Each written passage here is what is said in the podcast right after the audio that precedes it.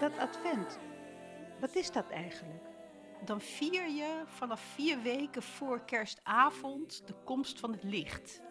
Dus dan begin je de eerste week eh, met het aansteken van één kaars op zondag. En dan die week daarna nog een kaars erbij, twee en nog dan drie en vier. Ik denk dat ik dat principe wel ken. Het lijkt op Hanukkah. Alleen doen we dan iedere dag een extra kaars. En dan zijn we in acht dagen klaar. Dus het is toch wel eigenlijk ook een ander feest.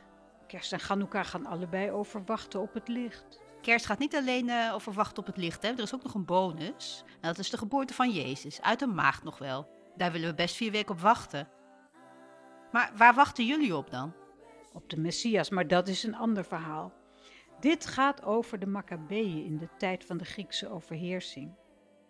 Ze hadden nog olie voor één dag.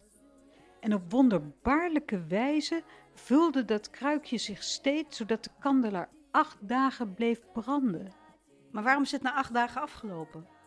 Toen was de tempel weer heilig en eh, eh, toen wachten we weer verder op de Messias.